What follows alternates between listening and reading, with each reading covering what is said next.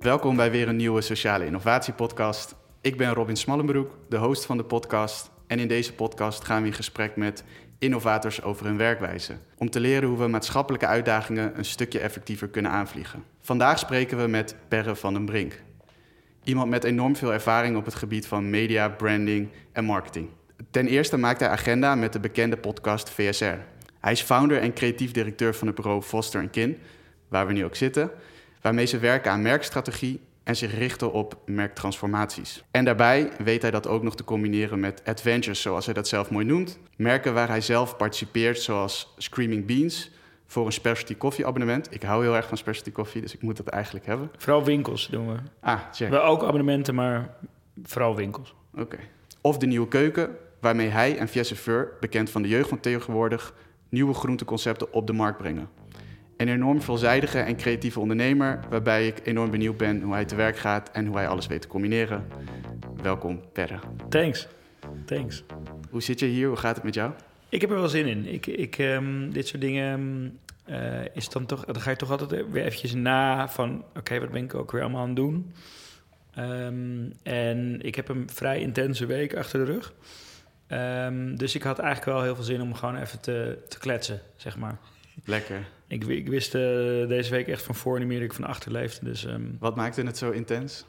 Nou, het was gewoon heel druk. En het was een week dat ik um, gewoon... Ja, er stond gewoon heel veel op de agenda. Um, maar het was ook een week dat ik echt een paar momenten had van... Wow, ik ben wel gewoon echt aan het doen wat ik vet vind.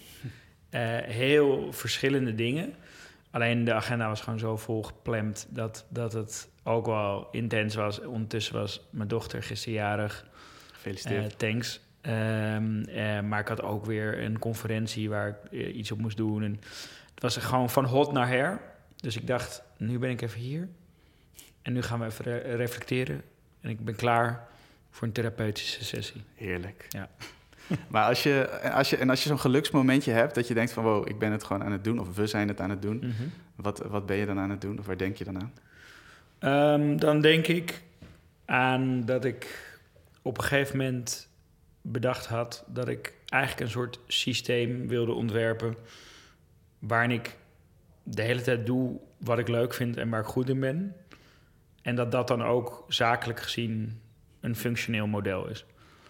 Uh, dus dus ja. je, je kan ook zeggen van ik wil alleen maar doen waar, wat ik leuk vind. En dan, dan ja, hoe, hoe, hoe wordt dat een soort functionerend ding?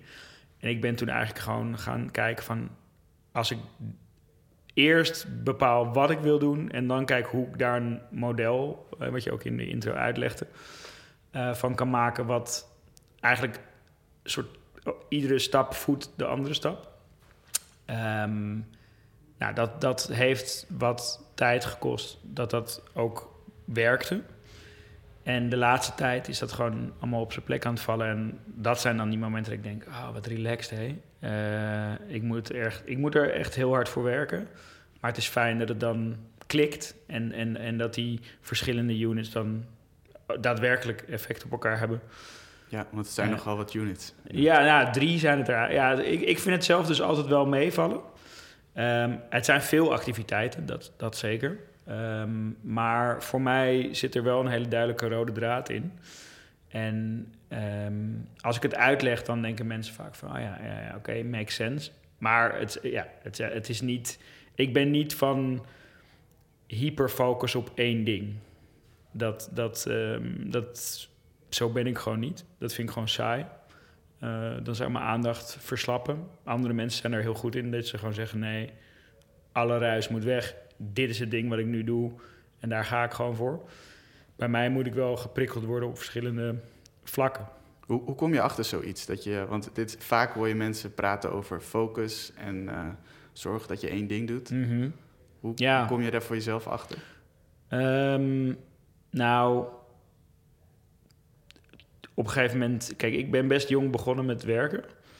Um, eigenlijk, ik heb nooit gestudeerd. Dus ik ben eigenlijk meteen uit de middelbare school ben ik gaan werken. Um, dus inmiddels werk ik al best wel lang. Ik zag ook dat je veel meters hebt, ook bijvoorbeeld bij een, uh, een Levi's en een Diesel Ja, en een ja, uh, ja, uh, ja. wat Vice, toch? Ja, ja, ja, dus eigenlijk mijn pad organisch zijn dus al die verschillende dingen die ik nu doe, heb ik eerst als specifieke eh, discipline gedaan. Dus ik begon... Mijn allereerste ding was eh, in de evenementenindustrie. Dus gewoon feesten organiseren. Ehm, dat heb ik gedaan eh, toen ik... eh, ja, eigenlijk gewoon toen ik 18 werd, ben ik dat gaan doen. Ehm, dus eigenlijk, ik was geslaagd, middelbare school, ging dat doen.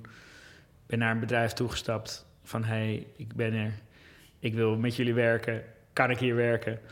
En ehm, zij dachten waarschijnlijk van, oh, interessant, jeugdig, goedkoop, Ja. eh, willing. Ja. Eh, en toen mocht ik dat gaan doen. Eh, en toen heb ik in vier jaar tijd of zo dat ik daar heb gezeten, ja, echt gewoon best wel veel verschillende dingen kunnen doen. Dus we deden echt festivals, we hadden een eigen club, strandtent, allemaal clubavonden. Dus daar kon ik al best wel ja, gewoon grote dingen organiseren. Eh, eh, waar je ook heel veel facetten raakt. Dat het gaat en over verhalen vertellen. Het gaat over design. Het gaat over ehm, programmering. Het gaat over organisatie, over marketing. Dus eigenlijk raak je daar al best wel veel verschillende disciplines. Je hebt werkelijk geleerd toen hoe je een feestje Ja, ja, en het was ook in een tijd dat het vrij goed ging in die industrie. Ehm, wat ervoor zorgde dat ik ook vrijheid kreeg en ook veel fouten kon maken. Ehm, omdat het geld toch, toch wel binnenkwam, zeg maar. Eh, dus ik heb gewoon heel erg in, in, in die praktijk kunnen leren van... oh ja, dus dit werkt zo. En oh ja, je moet dus niet inclusief BTW een begroting maken, maar exclusief BTW. Al dat soort domme fouten heb ik allemaal gewoon in de praktijk lekker kunnen maken. En ehm, eh, ja, zelf kunnen uitvinden. Toen vanuit daar, op een gegeven moment was ik een beetje aan het eh, uitgekeken geraakt op dat, op dat nachtleven. Of tenminste niet op het nachtleven, want ik ben nog heel lang uitgegaan, maar meer op, op werken daarin. En toen ben ik de modekant op gegaan. Toen ben- heb ik dus inderdaad bij, bij Diesel en Levi's gezeten. Maar ik heb ook een eigen menswear label, ook met Freddy, met wie ik ook nu de nieuwe keuken... Jullie hebben ook nog eens samen een label. Ja, Gaaf. Nee, nu, ni- niet, nu, nu niet meer, maar dat hebben we gedaan. Ja. Ehm, dus ik was altijd al geïnteresseerd in mode en Fred ook. En nou, op een gegeven moment eh, had ik bij, en bij Diesel en bij Levi's gewerkt. En toen dachten we, nou, we het gewoon zelf eh, doen. Ehm, dus in die mode heb ik eigenlijk meer die marketing specialisatie gedaan. Dus daar ging ik echt vol, op, die, op die marketing. Eh, en toen heb ik ja, volgens mij in die tijd dat ik bij Diesel zat, toen kwamen de blogs kwamen een beetje op. En toen ging ik een, een blog ehm, eh, schrijven. Ehm, en die, dat was niet per se heel groot of zo, maar het werd wel gelezen door goede mensen. Dus het werd in de creatieve industrie wel redelijk goed gelezen. Ehm, en via die blog werd ik hoofdredacteur van een modetijdschrift. En toen heb ik eigenlijk die switch naar media gemaakt. En eigenlijk een hoofdredacteur verbindt al, al die dingen. Weet je, van een hoofdredacteur doet en de inhoud en de, de designrichting. Ja. Eh, eh, ook een stuk organisatie, marketing, eh, commercie. eh, alles zit daar eigenlijk in. En dat vond ik, voor mij was dat een rol van dat ik dacht van ja, ik, eh, dit, hier, is, hier komen al die dingen voor mij samen en dat, dat werkt. En ehm, toen ben ik vanuit daar naar Vice gegaan inderdaad. Toen Vice nog heel klein was. En toen echt een soort hypergroei doorgemaakt. En daar, laten we zeggen op twee derde van dat ik daar zat... toen kwam ik eigenlijk pas achter... ah ja, ik ben dus die gast die al die dingen aan elkaar verbindt, zeg maar. Want daarvoor dacht ik altijd van... ah, ik ben, ik ben ehm, soort van journalist, maar niet echt. Want ik ben niet zo'n puristische journalist. Ik ben een soort van art director, maar niet echt, want ik ben niet 24 uur per dag daarmee bezig. Eh, ik ben soort van iemand die een bedrijf runt, maar niet een CEO die daar helemaal door geobsedeerd is. En dat dacht ik, ik dacht altijd dat dat een zwak punt was wat ik deed. Dus dat, dat mijn interesses te versplinterd waren. Ehm, maar op een gegeven moment realiseerde ik me dat dat juist is wat ik doe. Die dingen aan elkaar verbinden. Het eerst kijk je vanuit al die hokjes en dan denk je van... Nee, dit is het. Ja, dat wordt je ook altijd van- verteld, toch? Van wat Ja. je ook net zei, van eh, je, moet, je moet hyper focussen op één ding, want anders begrijpen mensen ook niet wat je doet of zo. Ja. En dat is eigenlijk wat je altijd hoort eh, en wat je dan ook gaat internaliseren, toch? Ja. Ehm, en toen had ik een keer een, ehm, een soort coaching traject had ik gedaan. Het was niet heel sterk coaching traject, maar één ding was, was wel echt goed. Ehm, en dat was dat ik, uh, zij vroeg mij toen op een gegeven moment van, schrijf even ineens tussen midden in een gesprek, zei ze, schrijf nu op waar je echt fucking goed in bent. Uh, die krijgt drie minuten. En ik, je moest het ook met, met pen schrijven. Ehm, dus dan kan je ook niet echt dingen uitwissen en weer opnieuw doen of zo. Dus dan gaat het heel intuïtief. En toen schreef ik, ik weet niet meer precies wat, de woorden waren hoor, maar de, de, de bottom line van wat ik daarop schreef was dat ik die soort vertaler was van iemand die kunst met een kunstenaar kan praten en business met een CEO. En dat dat eigenlijk juist is wat ik doe of zo, weet je. Ja. En toen dacht ik, oh ja, grappig. Ik dacht altijd dat dat een slecht punt was, maar, maar dit is eigenlijk mijn kracht of zo, denk ik. En, en voor dat moment dat je dan, uh, nou ja, dus eigenlijk het zelf in één keer... Uh, waarschijnlijk zit er een heel traject aan, aan, ja, wat je al zegt, zit eraan vooraf... waardoor je het op dat moment kan opschrijven. Mhm. Wat in die tijd daarvoor was hetgene dat je pushte om... Uh, nou ja, dus inderdaad van, van e-, evenementen naar fashion te gaan... Uh, zelf te gaan bloggen, Vice, media in te gaan. Mm, ja, ik denk een combinatie van dat je enerzijds extreem nieuwsgierig bent. Dat, heb, dat ben ik al wel altijd geweest. Van, ik was altijd gewoon geïnteresseerd in, oh ja, hoe zou dat dan zijn? En uh, oh ja, media, hoe werkt dat dan? Hoe maak je een tijdschrift? Of wat, is de, wat is de achterkant of zo? daar ben ik altijd wel geïnteresseerd in geweest. En ook niet, ben gewoon best wel breed of zo, weet je. Van, ik vind het net zo goed interessant hoe je een supply chain van een fiets, hoe werkt dat dan of zo, weet je. Dus dat heb ik altijd gehad. Dus in, in nieuwsgierigheid. En uh, de andere kant is natuurlijk gewoon drive en, en uh, ambitie, I guess. Ja. Um, dus dat je gewoon ook bereid bent om dat te doen, zeg maar. En dat je je ook niet te goed voelt om te leren en het voeten in de modder. Uh, ja, gewoon te werken, zeg maar. Ja, precies. Dus je hebt gewoon de nieuwsgierigheid zelf om al die takken in te gaan. Ja, en, en, en de discipline om erachteraan te gaan. Want dat is waar, denk ik, bij veel mensen aan schort. Toch? Van dat je wel die, misschien die nieuwsgierigheid hebt, maar... Of dat je de, de, de durf moet ontwikkelen of zo... om het gewoon te gaan doen of zo. Want soms is dat ook echt eng, toch? Van als je iets gaat doen wat je nog niet beheerst. Zeker weten, ja. Uh, ja, wanneer, wat is het punt dat je zegt van... fuck it, ik ga het gewoon wel doen, zeg maar. Ja. En, dat, dat kost tijd gewoon. Dat, dat is denk ik ook wel wat, Ja, ik leer nu ook wel, nu ik ook wat ouder word... dat geduld ook wel een ding is. Ik ben extreem ongeduldig. Maar sinds ik doe wat ik nu doe, dus de afgelopen drie, drieënhalf jaar... ben ik wel heel langzaam aan het leren dat, dat het... Dat dat het tempo, de, ehm, ja, dat, je, dat, dat het ook goed is als je geduldig bent. Als je overtuigd bent van wat je aan het doen bent. Dat je daar niet te, te opportunistisch in moet zijn. En wat is dan de combinatie van geduldig zijn en tegelijkertijd uh, gedisciplineerd? Zeg maar dat toch dat zit een beetje, zit heel dicht bij elkaar. Um, nou, waar, waar ik wel echt mee worstel, is dus die die combinatie van geduldig zijn en ambitieus zijn. Ja. En ik heb, ik heb eigenlijk negen jaar bij Vice gezeten. En dat was volgens mij toen ik daar begon. Ik denk dat ik, weet ik, 5, 26 was of zo. Nou, misschien 6, 27 Zo, je had echt al wel uh, best een route erop zitten. En dat, ja, dus dan op ja, ik was begonnen op mijn achttiende. Uh, ja. Dus ik was toen al best lang bezig. Ja, het is best wel fascinerend om even te beseffen, ja. Ja, ja. Ja, maar dat, ja, dat, dat is eigenlijk ook logisch als je niet... Ja, die tijd, iedereen studententijd was ik gewoon aan het, aan het werken, zeg maar. Ja, ik heb die studententijd wel een soort s'avonds meegedaan met mijn vrienden.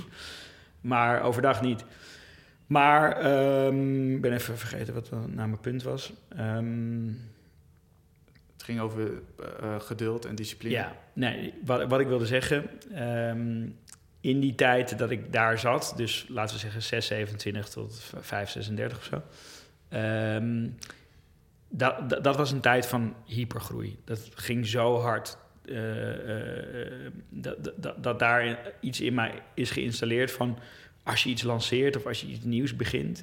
is het normaal dat het fucking snel groeit en, en eh, meteen heel groot is en zo. En dat heeft mij ook wel een beetje verpest of zo. Dat, dat, dat ik dat als normaal ben gaan beschouwen. Eh, terwijl dat een hele ongezonde eh, bedrijfsvoering was, eigenlijk.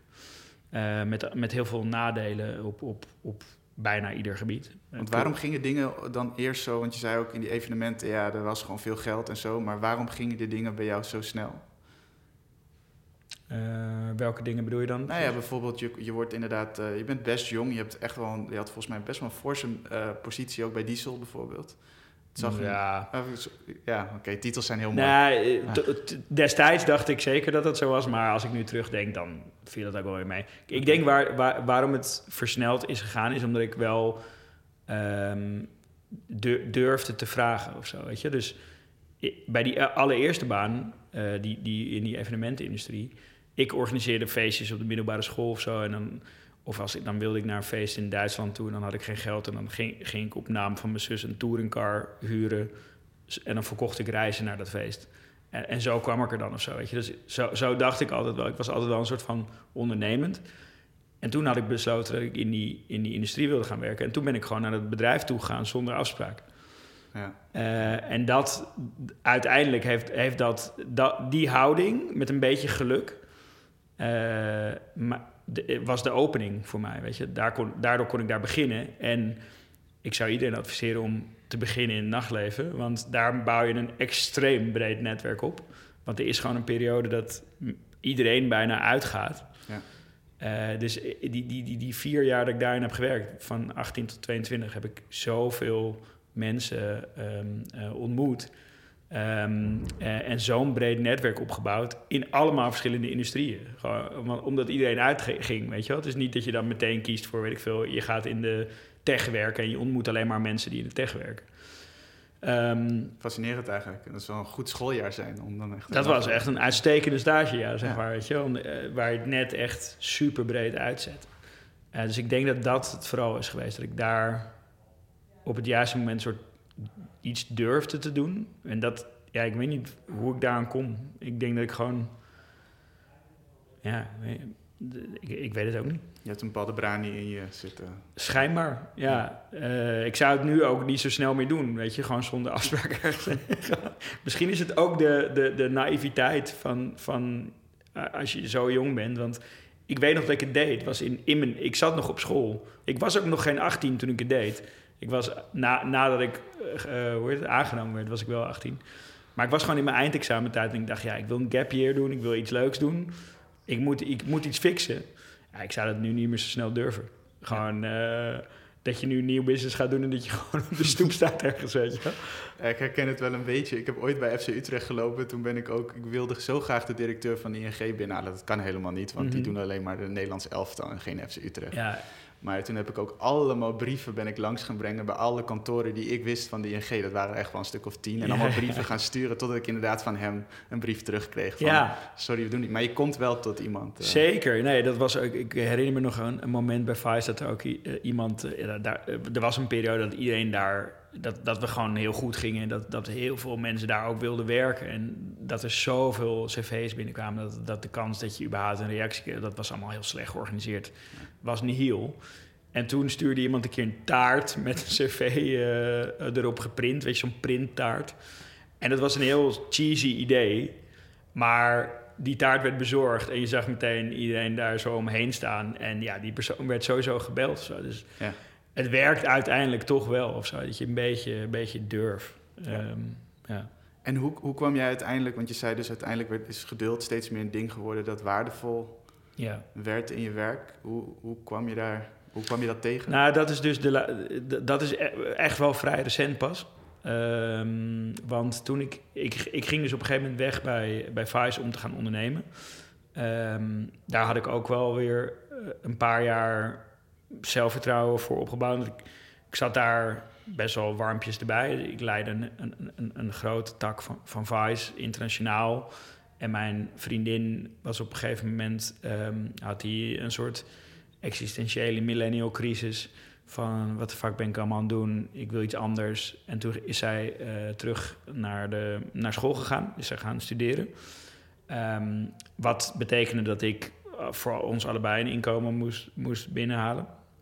Eh, en wij hebben ook gewoon nou, inmiddels drie, toen twee kinderen eh, en een koophuis. Ja, dat is gewoon best, best een duur leven.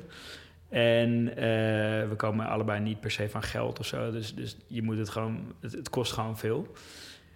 dus dat besluit nam zij en ook samen met mij natuurlijk, want het had ook impact op mij. Maar bij Vice was dat geen probleem, want ik, zat, ik, ik leidde gewoon, een, een ja, wat ik zei, een, een, een, groot onderdeel van Vice. Zo wordt dat een beetje een gouden kooitje eigenlijk. Precies, precies. En eigenlijk was ik in 2018 al klaar om weg te gaan, maar toen begon zij dus net met studeren. Ja. En toen dacht ik van ja, kut, nu wordt het wel, nu is het wel echt spannend om te gaan, want... Uh, ja, dan, ga, dan, dan, dan is die financiële druk echt hoog. Als je gaat ondernemen, dat, dat je vanaf dag één twee inkomens moet binnenhalen. Dat, dat, uh, dan is er geen tijd om te klooien, zeg maar. Um, dus toen heb ik wel nog twee jaar daar uh, gespendeerd. Een beetje bouwen aan mijn zelfvertrouwen. Een beetje mijn visie voor wat ik wilde doen uh, aanscherpen. Totdat ik op een gegeven moment dacht van... oké, okay, fuck it, nu ga ik het gewoon, nu ga ik het gewoon doen.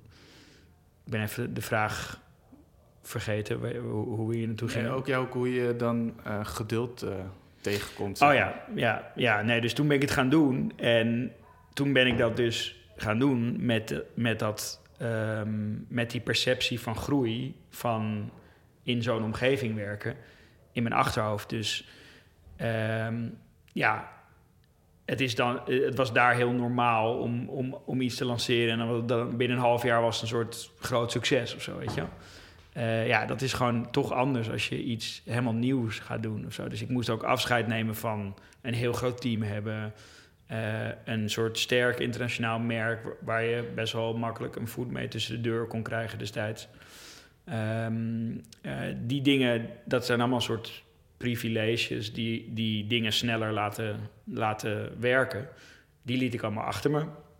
Ga je gewoon eigenlijk beginnen, weer opnieuw. Uh, maar ja, wel met diezelfde, wel met die standaard in je hoofd.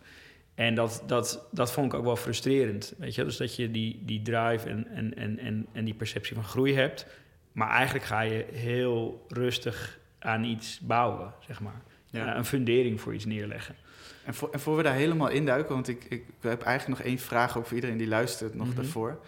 Uh, bij de intro noemde ik het al een beetje van, nou ja, je weet, jij weet het werk ook redelijk mooi in die drie units te verdelen. Ja als je een beetje omschrijft wat, je toen, wat toen je plan was ook van oké, dit ga ik nu opzetten en dat is, dit is ook waar we nu zitten, Foster ja. en Kin. Uh, als ik het goed zeg trouwens. Zeker. Ja, nou, ik, ja, zeg altijd Foster en Kin. nee, dat, dat, zo heet het. Uh, wat het plan was? Nou, um, het plan was dus, wat ik helemaal in het begin zei, ik wilde gewoon een model maken van de dingen die ik leuk vond. Uh, dat was eigenlijk gewoon simpel gezegd het plan. Dus ik ging het eigenlijk een beetje post-rationaliseren van hoe kunnen de dingen die ik interessant vind een functionerend businessmodel uh, gaan maken.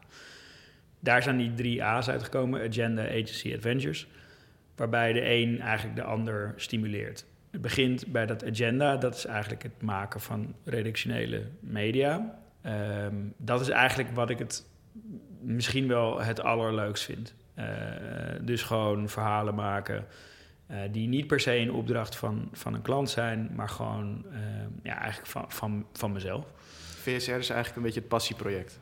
Nou, meer dan dat, want het is onderdeel van, van dat model. Um, maar het is wel iets waar ik, waar ik, waar ik, wat me heel dierbaar is, weet je waar, waar ik gewoon een soort bepaalde... Dat zit gewoon in me en dat moet ik blijven doen. Dus, en hoe het dan functioneel wordt, is dat... Ik geloof heel erg dat je... Um, uh, eigenlijk wil ik B2C media maken... Mm, maar voor mij zit er een B2B doel aan, uh, zakelijk gezien. Even, even, los van, van inhoudelijk is dat is mijn persoonlijke, uh, hoe zeg je dat, uh, fulfillment of, of, hoe je het ook wil. Ja. Ik weet even het, het Nederlandse woord niet, maar waar je blij van wordt. Ja. Um, maar zakelijk gezien geloof ik dat als je dat goed doet, dat je eigenlijk een ja, bepaalde soort autoriteit kunt opbouwen. Um, daar luisteren mensen naar. Die mensen werken ergens. En die mensen melden zich vervolgens in mijn Instagram DM van... hey, ik werk hier. Um, ja, uh, ik, uh, dit, is, dit is ons probleem. Kun je daar een keer over meedenken? En zo leiden die eh, redactionele dingen eigenlijk tot agency-klanten. Dus zo werken die twee ook met elkaar samen. Ehm, bij dat agency ehm, doen we merkstrategie. En, Jullie hebben volgens mij ook Volt gedaan, toch? Uh, ja, ja, ja, ja, dus dat, dat, dat was een politieke campagne. Ook heel boeiend om, om een keer te doen. Was ook lang een, een, een droom of een ambitie van me. Um, maar wat we, wat we vooral doen is gewoon eigenlijk het verhaal van merken, van klanten, gewoon beter opschrijven dan dat zij dat zelf kunnen. Uh, dus meestal is er een issue of ze, of ze, willen herpositioneren, of ze introduceren iets nieuws, of ze lanceren een heel, heel nieuw merk. En dan gaan wij eigenlijk dat verhaal aanscherpen of opnieuw verzinnen. Uh, en vanuit daar doen we meestal identity design. Dus hoe, hoe, hoe ziet dat er dan uit? En daar vanuit uh, gaan we dan kijken hoe breng je dat over. Uh, dus dan ga je naar, weet ik veel, content en campagnes. Maar ik vind het ook leuk om dat breder te trekken dan alleen maar marketing. Dus voor een aantal klanten doen we ook, vertalen we bijvoorbeeld ook het merkverhaal uh, naar hoe monitor je je talentontwikkeling. Dus herschrijf het functioneringsgesprek formulier aan de hand van je nieuwe merkverhaal dat vind ik ook hoe een merk zou moeten... Oh, wauw, dus jullie willen ook dat het dan binnenshuis, zeg maar... Ja, ja. ja branding is eigenlijk een soort... Um, ik, ik, ik probeer altijd een soort ander woord voor holistisch te vinden. Maar ik, het, het, is... Het is uh, ik weet Veelzijdig. ja, nou ja, het informeert eigenlijk alles, weet je. Het, het, het informeert... Het is, ik vind het heel verkeerd als, als, als het alleen maar je campagnes informeert. Het zou ook dus je talentontwikkeling. Wat voor mensen werken er? Wat is de cultuur? Hoe, hoe, hoe, hoe uh, kom je tot producten? Al, al die dingen zouden eigenlijk vanuit dat. Wat maakt dat je die overtuiging hebt? Ik, ik trouwens, uh, ik zeg, Weet ik stel hem heel journalistiek, alsof ik. Uh, ja, wat, wat, ben, ja, ja um, um, ik denk eigenlijk. Dat is een goede vraag, want je, je, je, je kunt.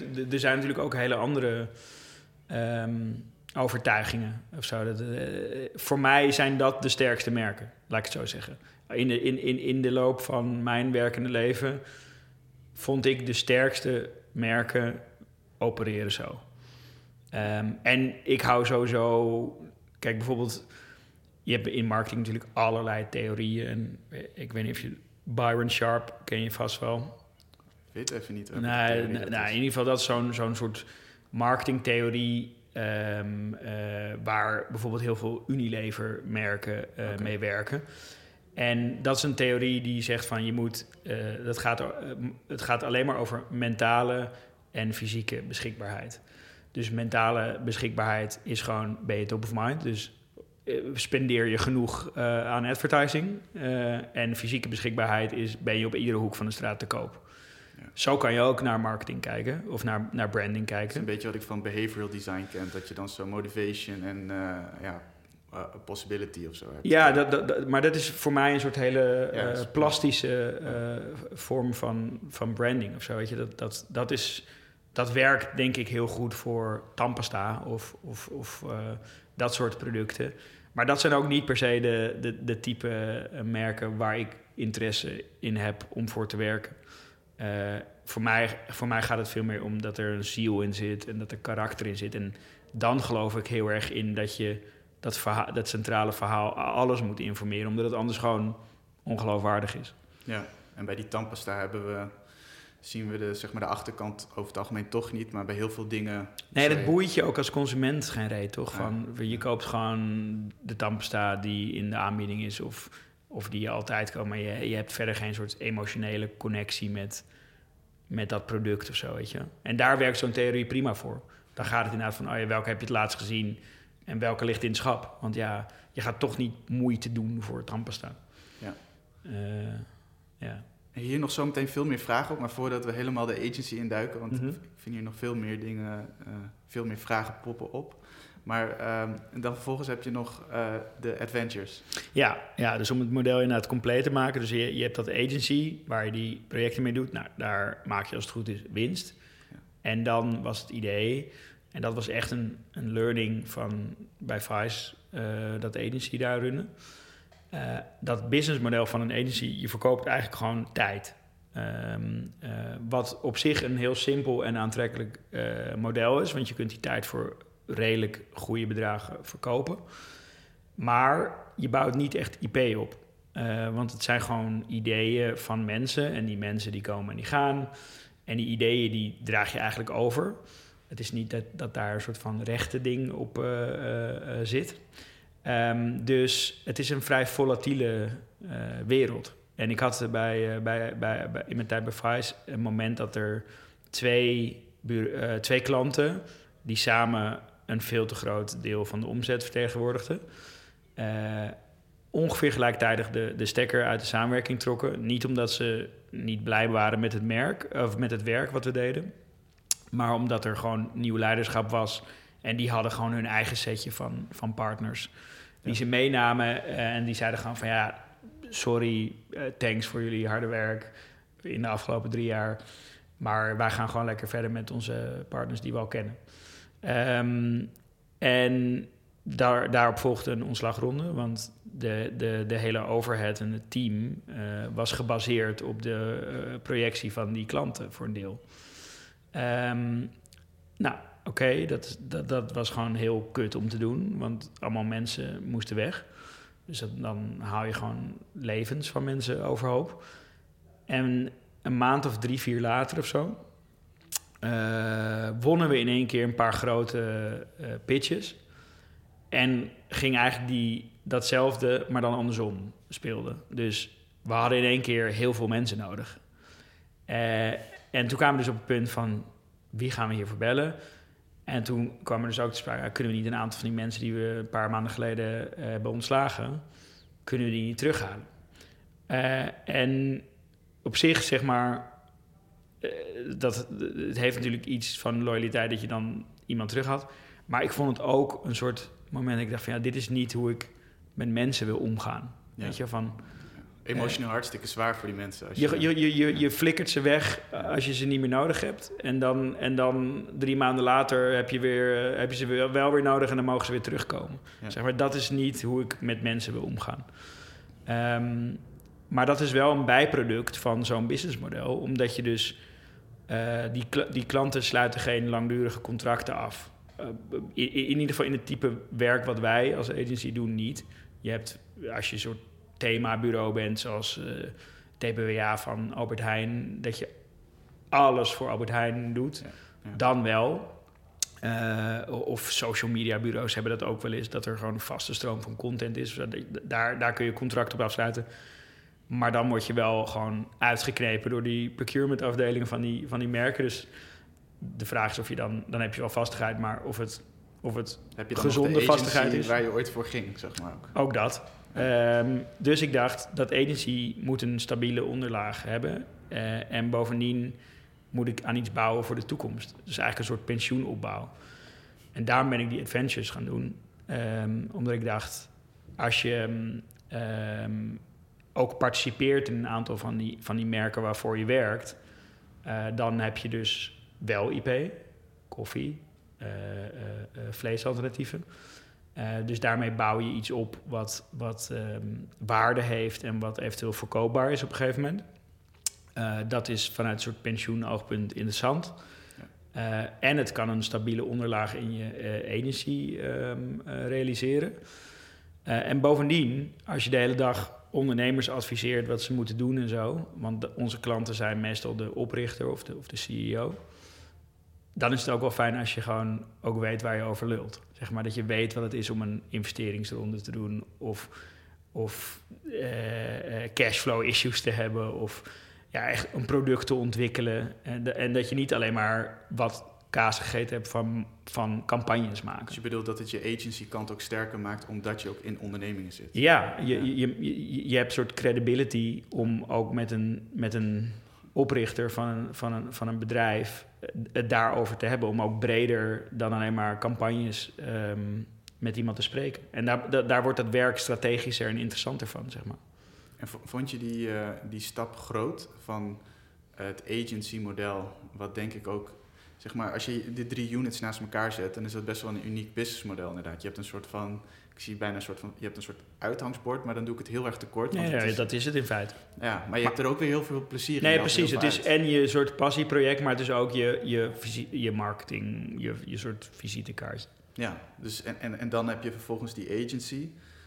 En dan heb je nog die, eh, ja, wat eigenlijk zie ik dat bijna als een soort van, het komt over op mij als, oh ja, daar heb je, kan je constant mooie projecten doen en je hebt een soort van, je kan een soort cashflow eh, creëren, als ik het Mhm, even als een mhm. bedrijf zie. Ja, En dan vervolgens die, ehm, eh, die derde laag, die creëert continuïteit. Dus dat je niet alleen maar u vraagt wij draa- draaien bent. ja, En je hebt meer inhoud in je agencies. ja. Of in je agency. Ja. Ehm, Nee, dat was geen grote stap. Nee? Want, nee, want dat is terug naar waarom ik het was gaan, eh, op deze manier gaan structureren. ja.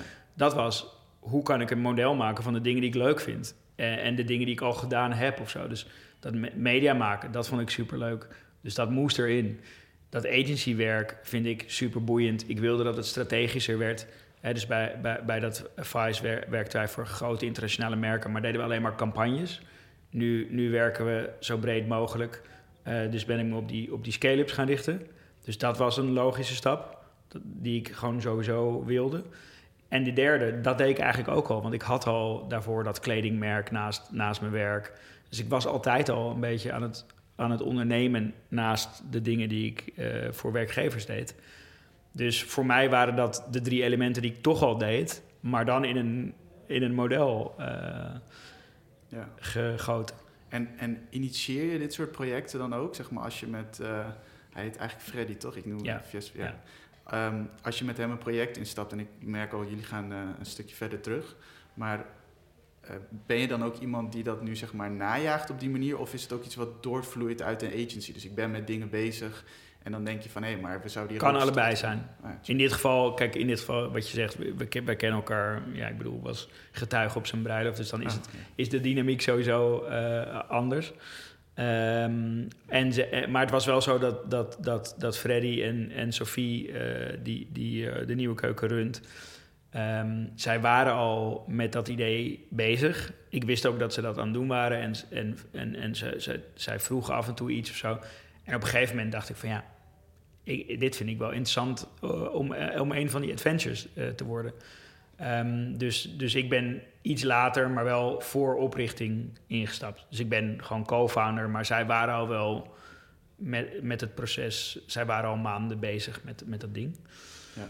Ehm, dus het, maar het kan allebei, weet je. Je kan, je kan iets initiëren of je kan instappen in iets van een klant of zo, weet je. Dat, dat zou ook kunnen. En vind je het werk op die adventures, vind je dat heel anders dan het werk eh, wanneer je vanuit de agency-rol werkt? Ehm, het, het, het werk op zich is niet heel anders, want het, binnen zo'n project zijn we verantwoordelijk voor de merkstrategie, net zoals dat je dat bij een, bij een klant eh, bent. Alleen het voelt natuurlijk wel anders, want je bent letterlijk en figuurlijk invested, weet je wel. Van, het is, het, je bent gewoon ja, onder, mede-ondernemer. Eh, dus dat is, dat is wel, wel heel anders. Er, zit meer soort trots in en eh, ehm, ja, ondernemerschap. Maar eigenlijk zeg je dan ook, wat ik heel fascinerend vind, ja, nou snap ik ook, als je van de buitenkant kijkt, dan denk je van jeetje, hij doet allemaal dingen. En nog Ja. steeds vind ik het eh, ontzettend, ontzettend bijzonder wat je allemaal doet. Ja. Maar je kan inderdaad wel een beetje snappen van, oh je hebt het wel heel slim in elkaar gepuzzeld, waardoor je dus in die agency en die adventures eigenlijk gewoon doet waar je heel goed in bent en wat je heel leuk vindt. Zonder dat je daar, ehm, ja, je had daar ook een gekke, ik had een aanname in mijn hoofd van, oh ja, zou die daar dan ook een soort van half de bedrijfsvoering ingaan, waardoor het focus verliest op zijn agency bijvoorbeeld. Nee, je moet zorgen dus dat je in die adventures partners hebt die, die, die dat doen. En kijk, Sophie eh, bij de Nieuwe Keuken, die runt de show. En dan heb je nog Dennis, dat is ook een van de, de vierde medeoprichter. Dat is een productontwikkelaar. Die brengt het product, maakt het eigenlijk gewoon fabrieksklaar, zeg maar. Eh, Fred is het uithangbord eh, en wij doen de merkstrategie. Dus je hebt een hele ge- gefocuste verantwoordelijkheid. Ehm, waardoor, het, waardoor het niet afleidt in, in de, in de, op de manier zoals jij hem beschrijft, denk ik. Ja. Alhoewel ik wel bestuurder ook van de Nieuwe Keuken ben. Maar dat, dat, ehm, ja, dat, dat is nog te overzien op dit moment. En als dat echt te groot wordt, dan ga je daar ook gewoon iemand op zetten. Check. Het is nog echt start-up fase natuurlijk. Zoals, zoals je dit businessmodel eh, neerlegt, is dat ook hoe je naar merken kijkt of zo? Is, is, is daar iets... Ehm, ja, misschien wel. Ehm, ik denk wel dat, kijk, hoe ik naar merken kijk, is sowieso dat er een soort ziel in moet zitten. En voor mij zit die ziel in wat is, wat is het verhaal dat je vertelt. Dus dat moet een ander verhaal zijn dan, dan er al is. Of het moet er anders uitzien dan er al is of zo. Weet je. Er moet een soort uniek karakter in zitten. Uh, dus dat is dan misschien het agenda-element van, van, van een merk.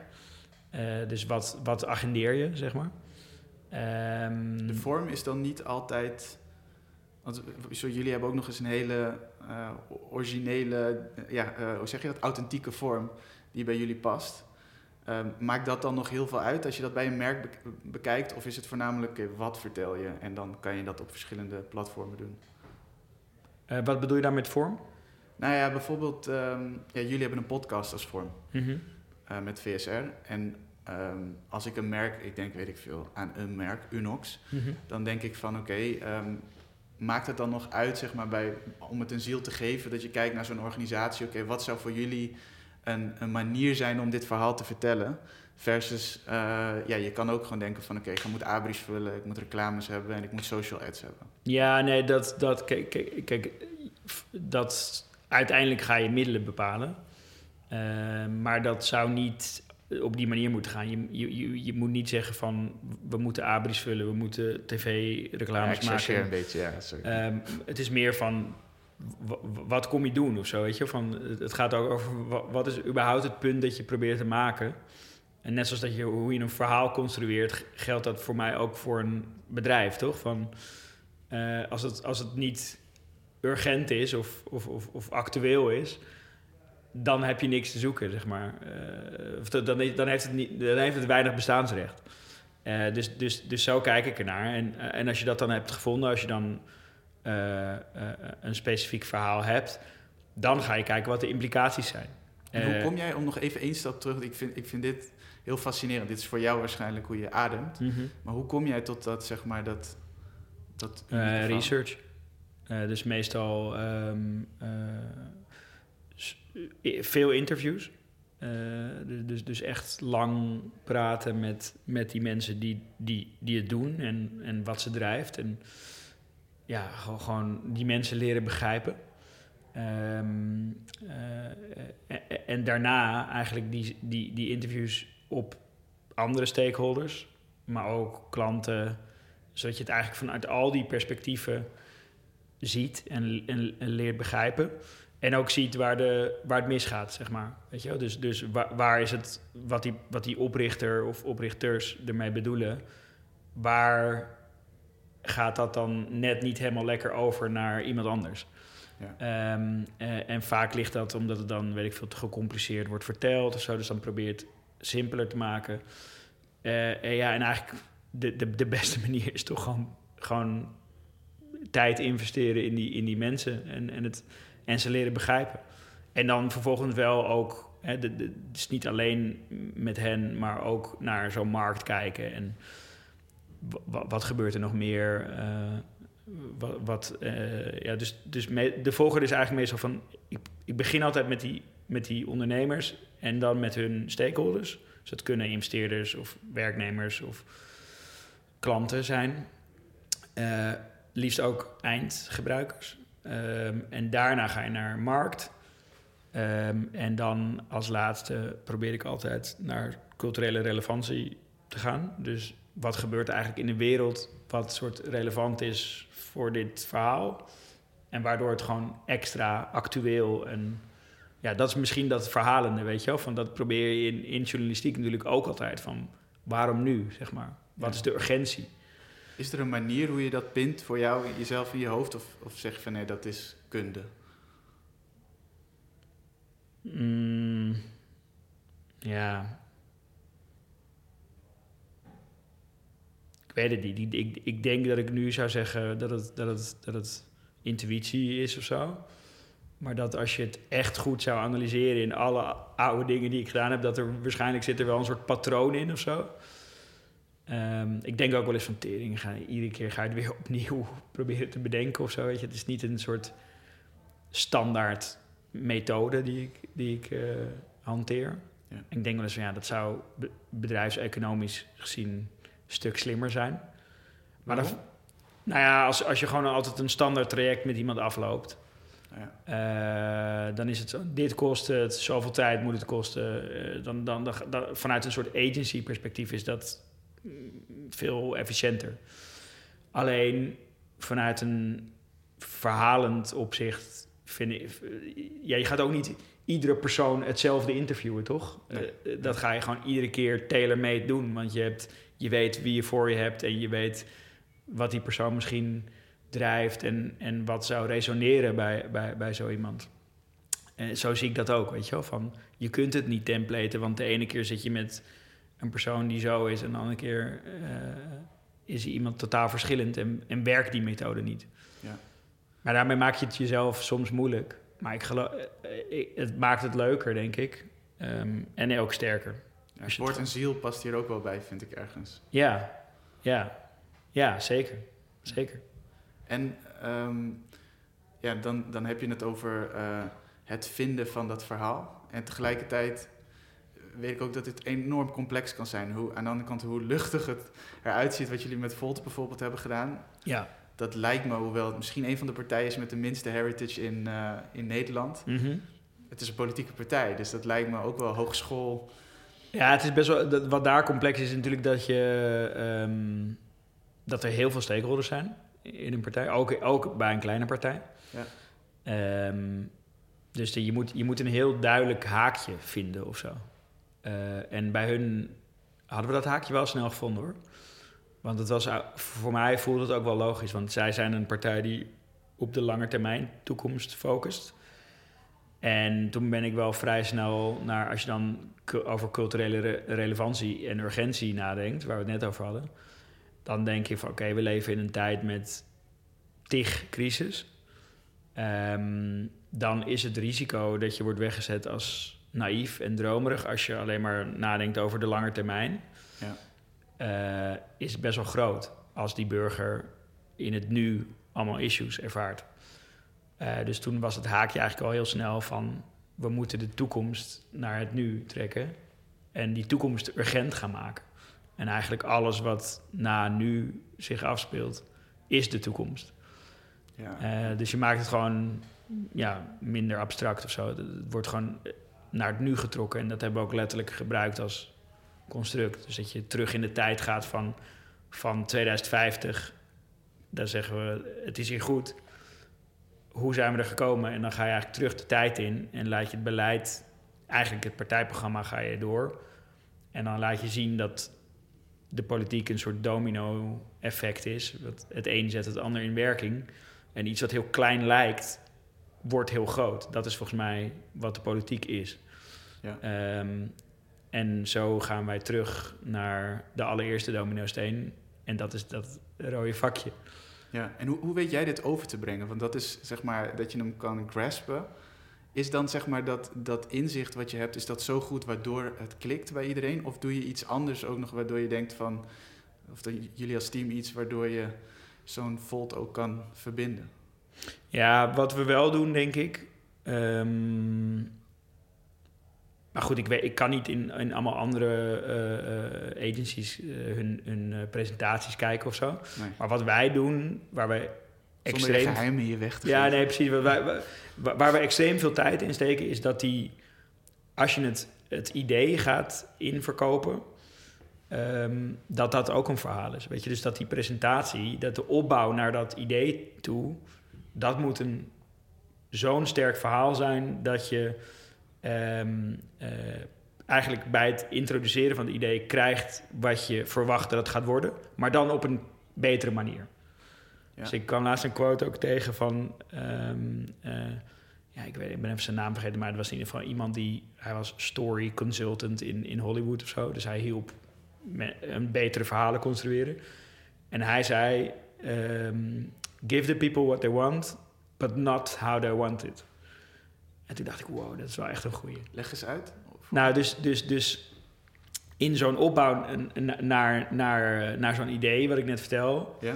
je, je spendeert eigenlijk die hele opbouw aan rustig opbouwen naar jouw idee. En, en dat het ook onmiskenbaar een goed idee is eigenlijk, want je, je beargumenteert het richting dat idee. Ja.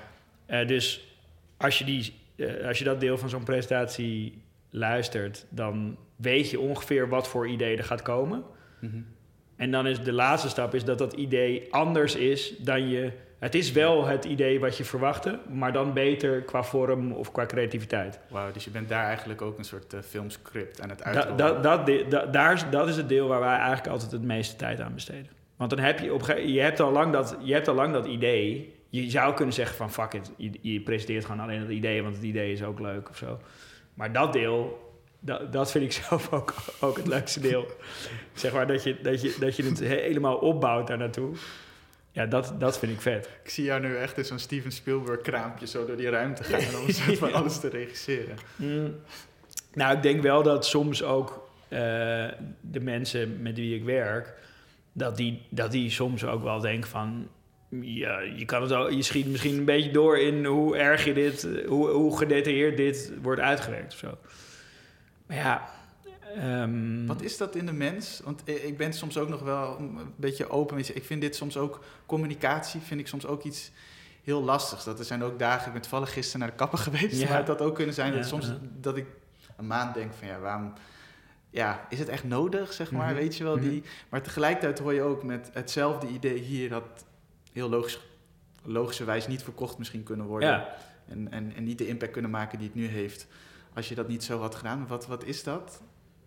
Ehm, Waarom is het zo belangrijk om een verhaal te vertellen? Ik denk dat dat ook ehm, voor een deel is dat je het test voor jezelf ook. Hè? Dus als, als je niet een fatsoenlijke opbouw naar dat verhaal kunt schrijven, dan is het gewoon geen goed verhaal. Zeg maar. Dus ik, ik denk dat het, voor, dat het ook Hm. Misschien voor mij dan een, een, een, een, validatie is dat het een goed idee is. Toch? Dat is eigenlijk wat strategie ook is, toch?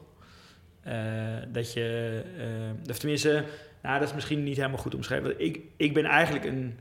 Ik heb pas later ook waardering voor strategie gekregen. Ik, ik was meer een ideeënpersoon en ik dacht, boeien, eh, dat hele argumentatieding of dat het eh, beargumenteerd vanuit een strategie moet worden, dat interesseert me niet. Dat was namelijk ook ooit, deed ik alleen die creatie. Ja. En dan dacht ik, die, die, die strateeg die moet gewoon recht lullen wat ik heb bedacht, zeg maar. Ja. En dan kreeg je pushback van, ja, maar dit, dit klopt niet wat je zegt. En dan, en dan, en dan dacht ik van, nou ja, eh, dan moet jij het anders verzinnen, zodat het wel klopt. Ehm, en nu werk ik eigenlijk toch ander- eh, andersom, ben ik meer dat, dat deel gaan waarderen of zo. Ehm, dus ik denk dat het daar vandaan komt, dat het, dat het een soort, voor mij ook een soort de ultieme test is van, kan ik dit met alles verdedigen? Weet je, kan ik iedere vraag pareren? En als, als dat, dat voorstuk goed is, dan kan je ook iedere vraag pareren. Ja. Of je krijgt niet die vragen omdat het gewoon ook landt bij die persoon. Maar als, je dan, eh, ja, als er dan kritische eh, feedback komt, dan kan je het meestal beargumenteerd weerleggen. Of het wordt er beter van. Ehm, dus ik denk dat het uiteindelijk een, eh, ook je eigen onzekerheid wegpoetsen is. Ja. Dat is dat, je bent En die van de ander. ja, nee, je, je Ja. voelt die verantwoordelijk. Ik bedoel, dat voelde ik bij dat voorbeeld, een politieke campagne, voelde ik heel erg die verantwoordelijkheid ook. Ik dacht van ja, als dit helemaal fout gaat, dan zijn ze, dan zijn ze ook echt fucked. Ja. is een kleine partij. Als je al je zetels verliest, dan is de realiteit gewoon heel anders. Ehm, dus je voelt je verantwoordelijk voor, voor je klant. En zeker als je in die... Wij, wij richten ons best wel op scale-ups. Dus dan is je klant ook de ondernemer. Die is veel emotioneler betrokken. Dus ik voel heel erg dat verantwoordelijk, die verantwoordelijkheid. Maar het is dus aan de andere kant ook je, je eigen... Iedere keer weer je eigen soort imposter syndroom wegpoetsen... door het zo goed beargumenteerd eh, te maken... dat je het ook met verven kan vertellen of zo, weet je. Ja. En een goede climax vind ik ook nog wel, dat laat dan ook nog wel zien dat je er ook nog mee kan spelen. Precies, precies, precies. En dat is... Ik had dat zelf bijvoorbeeld ook altijd met, met, ehm, met presenteren zelf. Of met eh, op een podium iets vertellen of zo. Dat vond ik altijd zo eh, eng, dat ik dat dan zo goed ging voorbereiden, dat het bijna niet meer fout kon gaan. Dus het, wa- het- het- ook daar was ik dan een soort van mijn, mijn onzekerheid aan het wegpoetsen. Dat je op een gegeven moment denkt van ja, oké, nu zit het er ook wel zo goed in. Hoe eng kan het nu nog zijn? Weet je, want het zit gewoon in mijn hoofd. Ja. En dat zit ook in, in, in dat. En je benut het wel om nou ja, geen steekjes te laten vallen. Om het de meest complete strategie te laten Ja, zijn die je ooit... Ja, en eh, ik vind ook van mensen betalen er ook gewoon voor. Het moet gewoon fucking goed zijn. En ik bedoel, dat, dat, dat is sowieso. Waarom zou je iets middelmatigs eh, maken? Dat, dat, dat, Ja, dat is oninteressant zou je zeggen. Ja. Ja, nee, ik, ik, ik, ik, ergens heb ik soms wel eens ook bijna jaloerse gevoelens bij mensen die gewoon denken van fuck it, het moet gewoon schaal hebben en dan maar een 6 of zo. Maar dat is gewoon, dat is niet echt hoe ik het eh, zelf kan. Ja. Ja. ja. Herkenbaar trouwens. Dat vind ik ook iets heel, heel ingewikkelds aan het leven. Maar ja. Ja. maar je moet het op een gegeven moment denk ik maar omarmen, want het is, het zit wel diep in je karakter volgens mij als je, als je, het, als je dat hebt. Dus Ja. ik, ik denk nu wel van ja, dat kan ik niet meer echt. Ik ben niet een fucking commerciële. eh, zo van, eh, maakt me niet uit wat het, mee is, eh, wat het is, zolang ik er maar veel geld mee verdien. Dat is gewoon niet wie ik ben. Ja. En ik zou willen, dan was ik waarschijnlijk nu een stuk vermogender geweest. Maar eh, ja, daar word ik niet echt blij van. Sick. Ja. En eh, je, je gaf ergens ook al midden in het gesprek aan dat je ook die, de binnenkant van het huis, die hoort bij de branding. Dat is het, iets holistisch. Ja. Ehm, daar ben ik dan toch nog wel benieuwd naar. Wel weer een beetje lekker op de, zeg maar, op de werkwijze. Maar eh, ik denk ook dat veel mensen wel nieuwsgierig zijn die naar luisteren van... eh, hoe weet je die... Dat is best wel een, vind ik, nog knap. Dus we hebben het net al gehad over... Ja, maak maar eens een campagne, een identity waarin, waarin een Volt te zeggen van... Oké, hier willen we wel achter gaan staan. Ja. En daarna heb je nog stappen, en dat kan natuurlijk met heel veel merken. Ik neem nu dit, dit voorbeeld. Mhm. Maar dat je dan ook nog eens gaat zeggen... Oké, maar hoe wij met talent omgaan, dan gaf je volgens mij als voorbeeld. Ja. Eh, ja, daar, daar kunnen we ook echt wel met jullie over meedenken.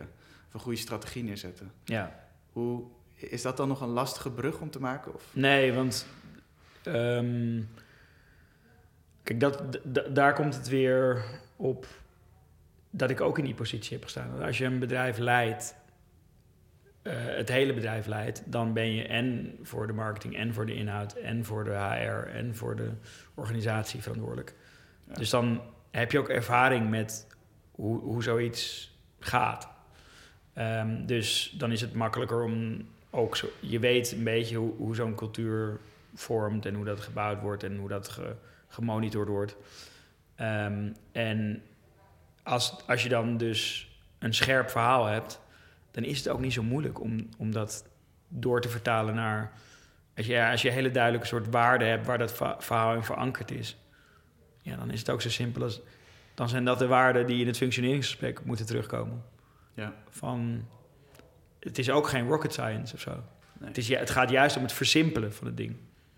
ja, en ik vind het wel interessant dat jij ook in de equation eh, iemand bent die de dingen wel gezien heeft. Eh, het dus ook ervaren heeft. Want ik vond ook je antwoord eerder op het soort van... Ja, hoe weet je dat dat binnen het huis ook Ja, net zo goed moet zijn als brand? Dat je gewoon zegt van ja, de beste merken die ik heb gezien...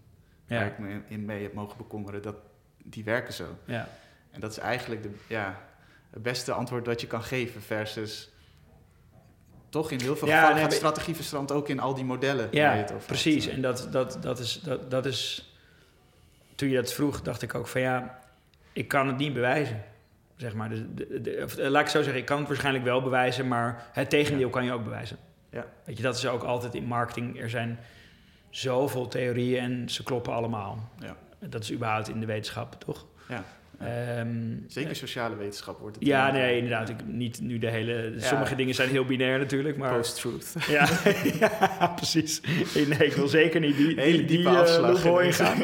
Eh, maar meer van, je kunt... ehm, eh, nou, de correspondent had daar ook een keer een leuk, leuk boekje eh, over uitgegeven.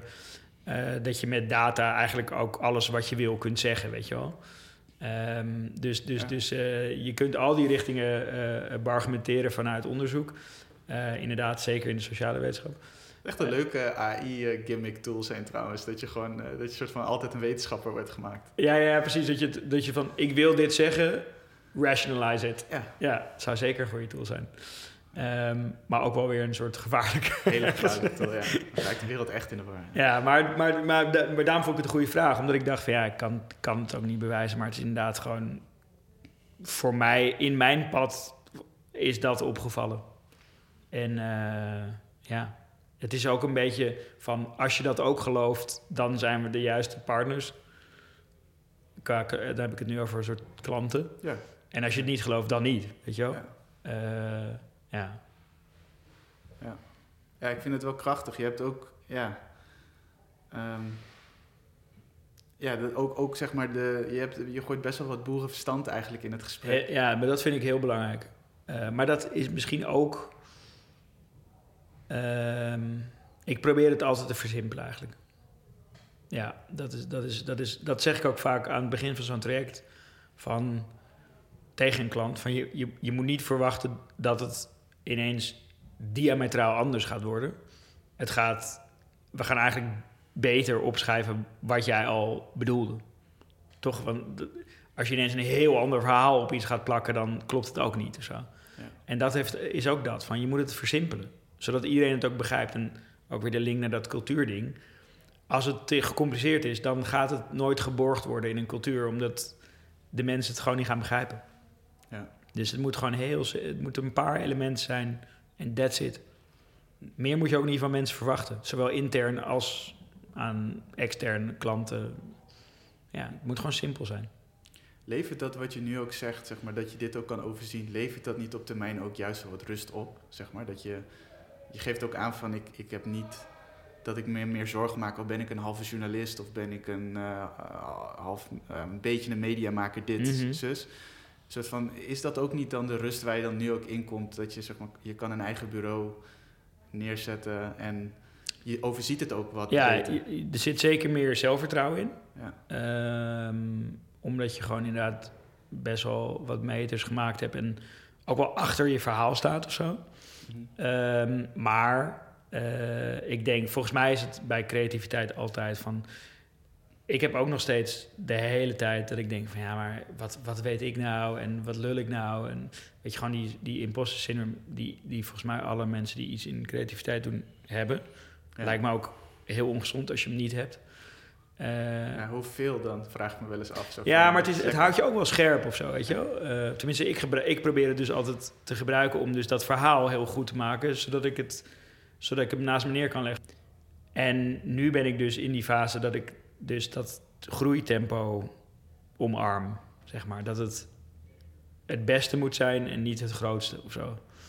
En eh, dat, da- dat daar een ander pad bij hoort. En eigenlijk afgelopen... eh, nou, ik ben, ik ben 3,5 jaar geleden begonnen. Dat was midden in COVID. Eh, dus de eerste twee jaar was gewoon in een pandemie. Dus dat is sowieso moeilijk om een bedrijf in op te bouwen. En als gevolg daarvan, want ik was gewoon heel erg aan het focussen op gewoon overleven, was dat agenda-stuk in het model het ondergeschoven kindje. Want dat levert indirect geld op en niet direct. Dus ehm, dat was de hele een soort ontbrekende schakel in dat ding. Waardoor na een jaar of twee eh, dacht ik, ja, het klopt gewoon net niet helemaal. Dat agenda-stuk is een beetje een keynote slide, maar ik heb geen bewijslast, zeg maar. En ehm, sinds ik die output wel ben gaan, gaan doen, dus eh, we, eh, ik heb nu VSR, eh, maar er komen, komen eh, wat meer dingen aan. Ehm, zie je dat dat model begint te werken. En heb ik ook weer een soort hernieuwd zelfvertrouwen. Ah ja, het klopte toch wel wat ik in mijn hoofd had. Dat die unit op zichzelf Ja, ook je, gezond kan zijn. ja je, kan, je kan dat gewoon functionerend maken.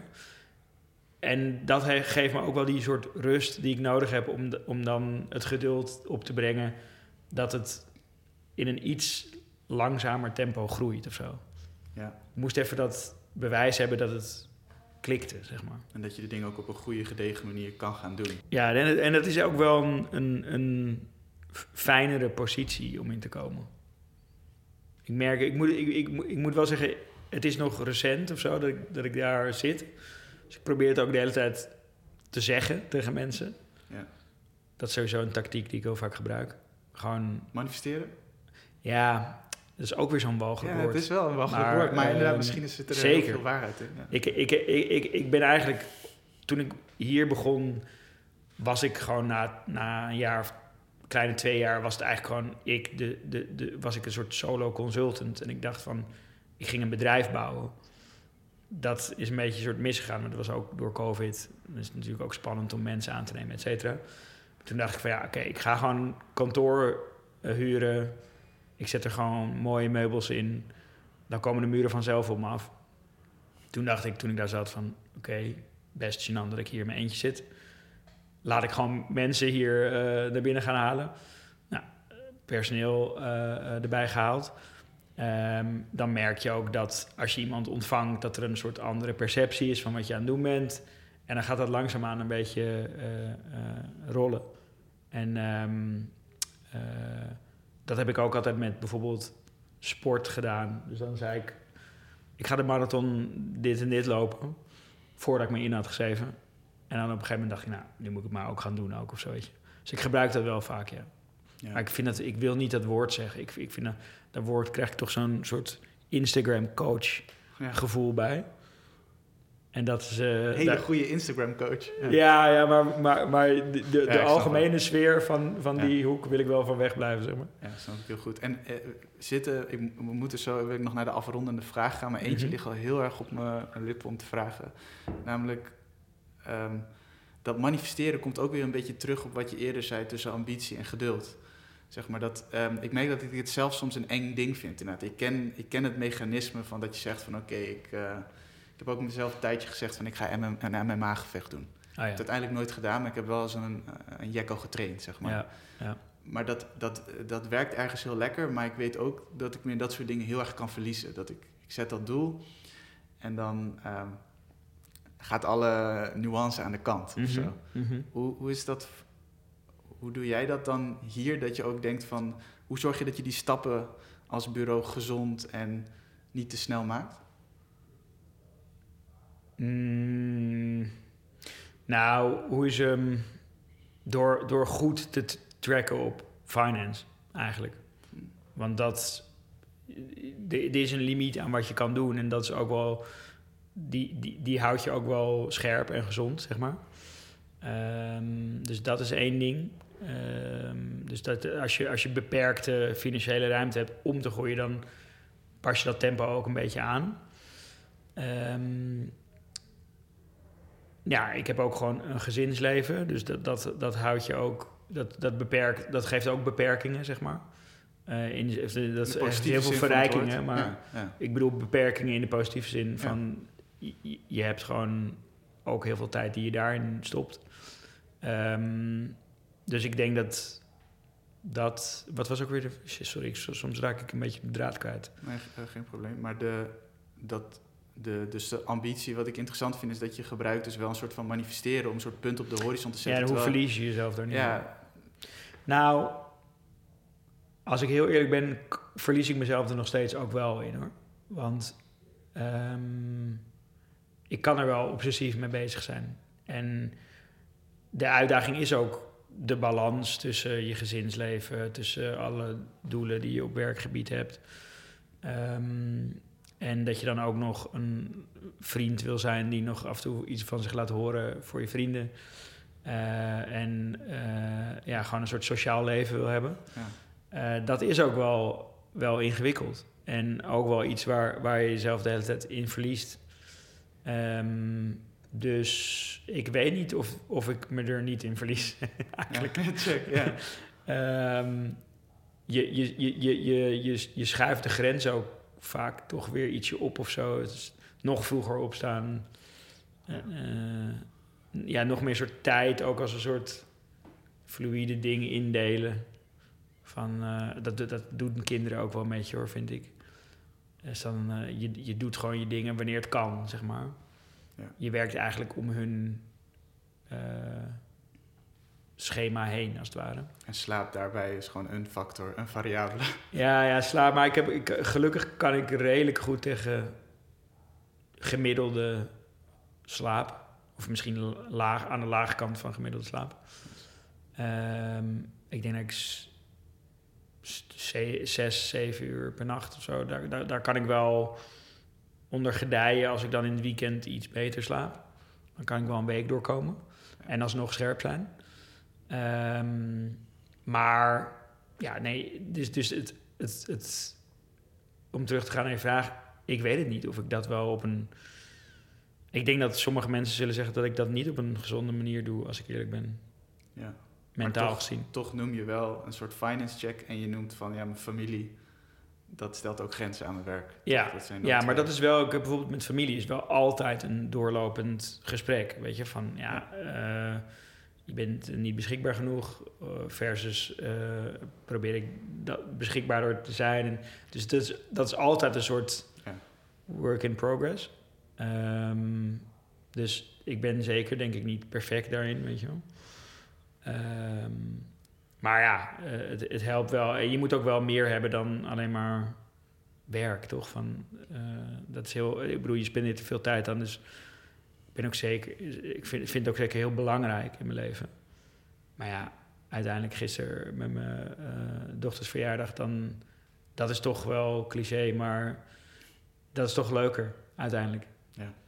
Eh, maar ja, voor mij is het ook wat je biedt aan je kinderen, heeft ook weer te maken met ook weer niet doet. losstaand, net als die nee, mensen eigenlijk. nee, want ik wil ook Ja. dingen meegeven aan ze. En die, en die staan in verband met wat ik doe of zo, weet je wel. Van, wees nieuwsgierig.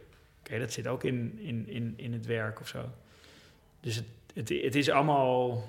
Het gaat allemaal in elkaar over. Maar ik denk dat dat sowieso ook ondernemen is. Dat, ondernemen, dat, dat, dat, dat, dat leven veel meer in elkaar verweven zit dan, Ja. dan bij, bij iemand die gewoon eh, ergens werkt. Ja, en het, het, is ook weer een, eh, het staat weer een beetje lijnrecht op het antwoord van focus, zeg maar één ding. Ja, En het, het- dat het allemaal te organiseren is. Dus je hebt het wel over een soort van checks, dingen die, eh, dat een gaande ges- een gesprek is thuis, waardoor je dus jezelf wel checkt van ja, ja. ja hoe ga ik om met mijn werk en privé. Maar dat het inderdaad niet iets is wat je gewoon even op een papiertje kan schrijven en dan staat het er. Maar ik heb met dat focus ding van, ik word daar ook altijd een beetje soort allergisch van, omdat ik, ik heb ook heel erg het gevoel dat dat uit een, uit een soort oude wereld idee komt van, dat gaat, die focus is daar om zoveel mogelijk geld te verdienen of zoveel mogelijk waarde te creëren in één ding of zo. Eh, zo wordt die, daar is hij in geworteld voor mijn gevoel. En ho- hoezo kan mijn focus niet zijn om verschillende dingen te willen doen, omdat ik daar blij van word? Ja. Dat is mijn focus. Ja. Eh, eh, ik, ik wil niet alleen maar hetzelfde doen, eh, omdat ik daar dan het meeste geld mee verdien. Dus, dus dat is ook een soort, vind ik, een oude wereld manier van denken. Ja, sta je toch nog stiekem aan de lopende band als je zo Precies. denkt. Het is gewoon eigenlijk een heel soort kapitalistische manier van focus idea- eh, idealiseren. Ja. Ja. Drie afsluitende vragen, ja. korte. Ik weet niet Ja, of je ze ja, gezien hebt. ik had ze gezien, maar ik, ik, ik had moeite met eentje. Maar ik, laten we het proberen. Ja, nou ja, je hoeft ze ook niet alle drie te beantwoorden. Eh, of je misschien een must-read, eh, must-watch en misschien nog een jam hebt. Iets van muziek waarvan je denkt, daar kunnen mensen nog even op door na deze Ik aflevering. heb hierover nagedacht. Ja. Ehm, ik heb de laatste tijd echt zo weinig gelezen. Eh, qua boeken. Dus daar heb ik niet echt een goede tip voor op het moment. Ik zit wel heel diep in MacGuffin Magazine. McGuffin Magazine. Ja, ja, dat vind ik echt een waanzinnig blad. Eh, dat is een tijdschrift, een Nederlands tijdschrift. Ehm, en iedere ehm, editie eh, pluizen zij één ding uit. Ehm, dus eh, boomstammen was het afgelopen issue. Een ander issue wat hier ook ligt is kettingen. En dan gaan ze gewoon zo'n ja, blad van een paar honderd pagina's alleen maar verhalen over dat ding. Sick. Maar ah, vanuit een soort totaal verschillende perspectieven of zo, weet je wel. Dus ehm, eh, in dat kettingen-issue ga- gaat dan een verhaal over hoe, hoe, hoe ehm, eh, chains hip-hop cultuur hebben beïnvloed. Maar eh, een ander verhaal gaat dan over de, de ketting, de, de, de, de kettingen die zijn gebruikt om die kooi, kooien om worstel, ehm, zeg maar Amerikaans worstelen, niet die MMA-achtige dingen, maar meer die klassieke worstel. Eh, met een beetje zo feedback, zo als je naar achter de ja, ja, ja, ja, ja. Daar een verhaal over of zo. Dus, dus heel erg vanuit die verschillende hoeken één zo'n ding belichten. En dat vind ik gewoon echt waanzinnig. En het is ook nog heel mooi vormgegeven. Eh, eh, ja, dus daar, daar, daar, da- dat, dat zou ik als, als, als leestip geven. Thanks. Qua muziek, ik ben ook... Ik, ben, ik, ik had dus vroeger die mega... Ik zat heel diep in muziek. Ja. Dat ben ik op een gegeven moment echt helemaal kwijtgeraakt. Ehm eigenlijk, het enige wat ik nog, waar ik nog echt altijd goed in zit, zijn... Ik check gewoon altijd Boiler Room en Her. Eh, gewoon sets van elektronische muziek. niet, maar Boiler Ja, het is een beetje een soort Duitse Boiler Room. Check. Ehm, en het laatste ding waar ik de hele tijd naar bleef teruggaan was Identified Patient. Nederlandse artiest. Ehm, op dekmantel een setje. Daar, maar dat is wel vrij heftige muziek. Eh, maar ik ga, ik ga er altijd ehm, eh, wel goed op als ik, als ik dat soort muziek op heb staan. Als ik moet schrijven of, of eh, zeg maar, het geeft me energie gewoon. Zullen we het woord focus niet noemen? Precies. Ehm, nee, het, het, het, het, het, het, het, het, het maakt me sneller of zo. Gewoon vrij letterlijk. Ja. Zeg maar, ik kan hetzelfde doen zonder die muziek, maar dan doe ik het langzamer. Dus dat, dat vind ik altijd wel fijn. Ehm, dus dat zou ik dan tippen qua, qua muziek. En qua kijken, daar zat ik dus ook over na te denken. Maar de laatste, ik weet niet. ehm, Een hele gezonde habit als je nou gaat zeggen dat je niet meer zoveel dingen kijkt. Dat is wel... Nee, maar het, het, het- ik wil altijd wel heel veel dingen kijken, maar de la, ik heb gewoon weinig tijd de laatste tijd. En dan kijk ik vaak dingen die ook weer verbonden zijn met een project of zo. Dus deze week was ik ehm, eh, die, die, die, die Beckham-serie aan het kijken. Ja, Beckham en Porsche. Ja. Ja, ja, ja ehm, ehm, wat ik niet per se als een mega tip zou geven hoor, maar Hm. meer ter voorbereiding op een. eh, ik ben met een, met een sportpodcast eh, bezig. Ehm, eigenlijk sport door de lens van business gezien, sportcultuur door de lens van business. En daar gaan we een pilot voor op- opnemen. En dat gaat over ehm, Beckham. Ehm, en ter voorbereiding was ik, was ik een beetje die serie aan het kijken. Maar ja, dat zou ik dus niet per se tippen als van je moet dit gaan kijken. Maar dat is gewoon meer het laatste wat ik... Ja. Toch heb je hem nu een beetje getipt. Ja, een beetje wel. Ja. ja. Het is ook niet slecht hoor, maar het is, het is wel echt totale branded content. Ja, ja ik Hij- heb hem ook gezien en het zijn wel volgens mij heel veel geregisseerd, toch? Heel, eh, het is heel geregisseerd en de, de executive producer van de serie is David Beckham. Oh, wauw. Dus het is Ja. David Beckham die een documentaire over David Beckham maakt. Ja. Eh, dat, is, dat is met al dat soort series. Ja. Moet dat, je moet altijd goed naar de aftiteling kijken bij dat soort series. Want dan zie je gewoon, ah, oké. En dan heb je bijvoorbeeld Gary Neville, die, die andere speler Ja. en vriend van hem, Rechtsback, ja. precies. Ehm, die zit de hele tijd in die docu. En dan kijk je op de aftiteling. En dan blijkt hij ook een van de executive producers te zijn. Hm. Dus dan denk je ook van, oh ja, zo gaat dat dus. Ja. Ja, Ja. want hij wordt ook wel... Ik vond het ook grappig dat je in één keer zo'n gesprek gaan ik kreeg van... Ja, hij was wel goed, maar hebben we hem misschien een beetje onderschat of zo Ja, in de tijd dat ja, we keken? Terwijl ik, ja. ik vond hem inderdaad ook heel goed. Ja. Het was wereldtop, maar het was niet dat je Ronaldo of Zidane zag, nee, toch? Nee, zeker niet. Zeker niet. Nee, Nee, en je, door die serie ga je dat zeker. Want ook eer, in de eerste aflevering de eh goal-compilaties en zo hebben ze net gewoon.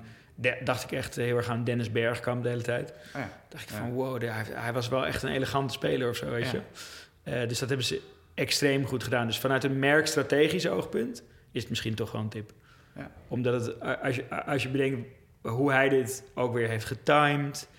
eh, hij heeft natuurlijk die, die club te promoten nu. Messi. Ja, precies. Eh, dat geld van Messi moet toch terugverdiend worden. Eh, dus die, die club moet gewoon in de markt gezet worden. Dus eigenlijk is het misschien toch stiekem wel een tip. Maar dan meer kijken niet naar inhoudelijk, maar kijken naar eh, als case. Vet. Ja. Ja. ja. Hartstikke bedankt, Per. Graag gedaan. je hebt enorm veel weer aangeraakt over ambities, geduld, hoe je sowieso je werk helemaal hebt ingedeeld in drie units. Ja. En voor mij in ieder geval, ook als professional, maar ik denk heel veel, er luisteren ook veel studenten hier ook naar. ja. Eh, ik denk dat het heel inspirerend is om een beetje te Ik snappen. hoop van het. Ik hoop het. Ik, ik hoop dat mensen er wat in herkennen of, of, of, of zien of zo. Dankjewel. Thanks. Yes. En jullie bedankt voor het luisteren en tot de volgende. Ciao.